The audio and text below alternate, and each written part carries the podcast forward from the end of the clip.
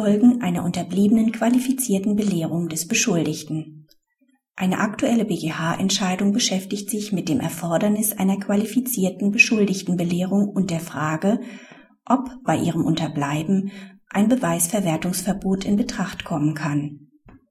Immer wieder kommt es vor, dass ein Beschuldigter zunächst lediglich als Zeuge vernommen wird, obwohl gegen ihn bereits ein gefestigter Tatverdacht besteht. Dass die Ergebnisse einer solchen Vernehmung mangels einer ordnungsgemäßen Belehrung nach 136 Absatz 1 Satz 1 StPO unverwertbar sind, wenn der Verwertung rechtzeitig widersprochen wird, ist unbestritten.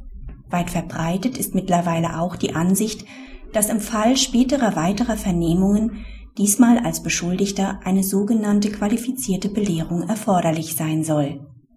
Das bedeutet, dass der Beschuldigte dann nicht nur nach 136 Absatz 1 Satz 1 StPO zu belehren ist, sondern auch darauf hingewiesen werden muss, dass seine in der früheren Vernehmung gemachten Angaben nicht verwertet werden können.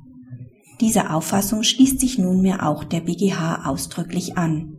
Der vierte Strafsenat betont, dass das Schweigerecht des Beschuldigten zum Kern der Garantie eines fairen Verfahrens gehört.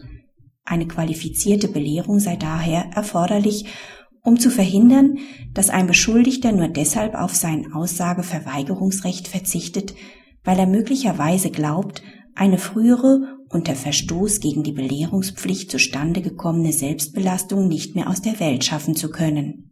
Es bleibt die Frage, welche Folge das Unterbleiben einer erforderlichen qualifizierten Belehrung hat. Der BGH will in solchen Fällen kein automatisches Beweisverwertungsverbot annehmen. Da ein Verstoß gegen die qualifizierte Belehrungspflicht nicht dasselbe Gewicht habe wie ein Verstoß gegen 136 Absatz 1 Satz 2 StPO, sei durch Abwägung im Einzelfall zu ermitteln, ob ein Verwertungsverbot in Betracht kommt. Bei der Abwägung ist dabei nach Ansicht des BGH insbesondere zu berücksichtigen, ob der Betroffene davon ausgegangen ist, von seinen vor der beschuldigten Belehrung gemachten Angaben nicht mehr abrücken zu können. Dies dürfte insbesondere dann anzunehmen sein, wenn sich die Ergebnisse der beschuldigten Vernehmung inhaltlich als bloße Wiederholung der Angaben aus der vorangegangenen Zeugenvernehmung darstellen. Kritik mit dieser Entscheidung bestätigt nun auch der BGH, das vom Schrifttum, aber auch Teilen der Rechtsprechung eingeforderte Erfordernis einer qualifizierten Belehrungspflicht. Bedauerlicherweise konnte sich der BGH nicht dazu durchringen, für den Fall einer unterbliebenen qualifizierten Belehrung ein Verwertungsverbot anzunehmen. Seine euphorische Beschwörung des Fair Trial Grundsatzes erweist sich angesichts dieser Halbherzigkeit somit leider nur als Lippenbekenntnis.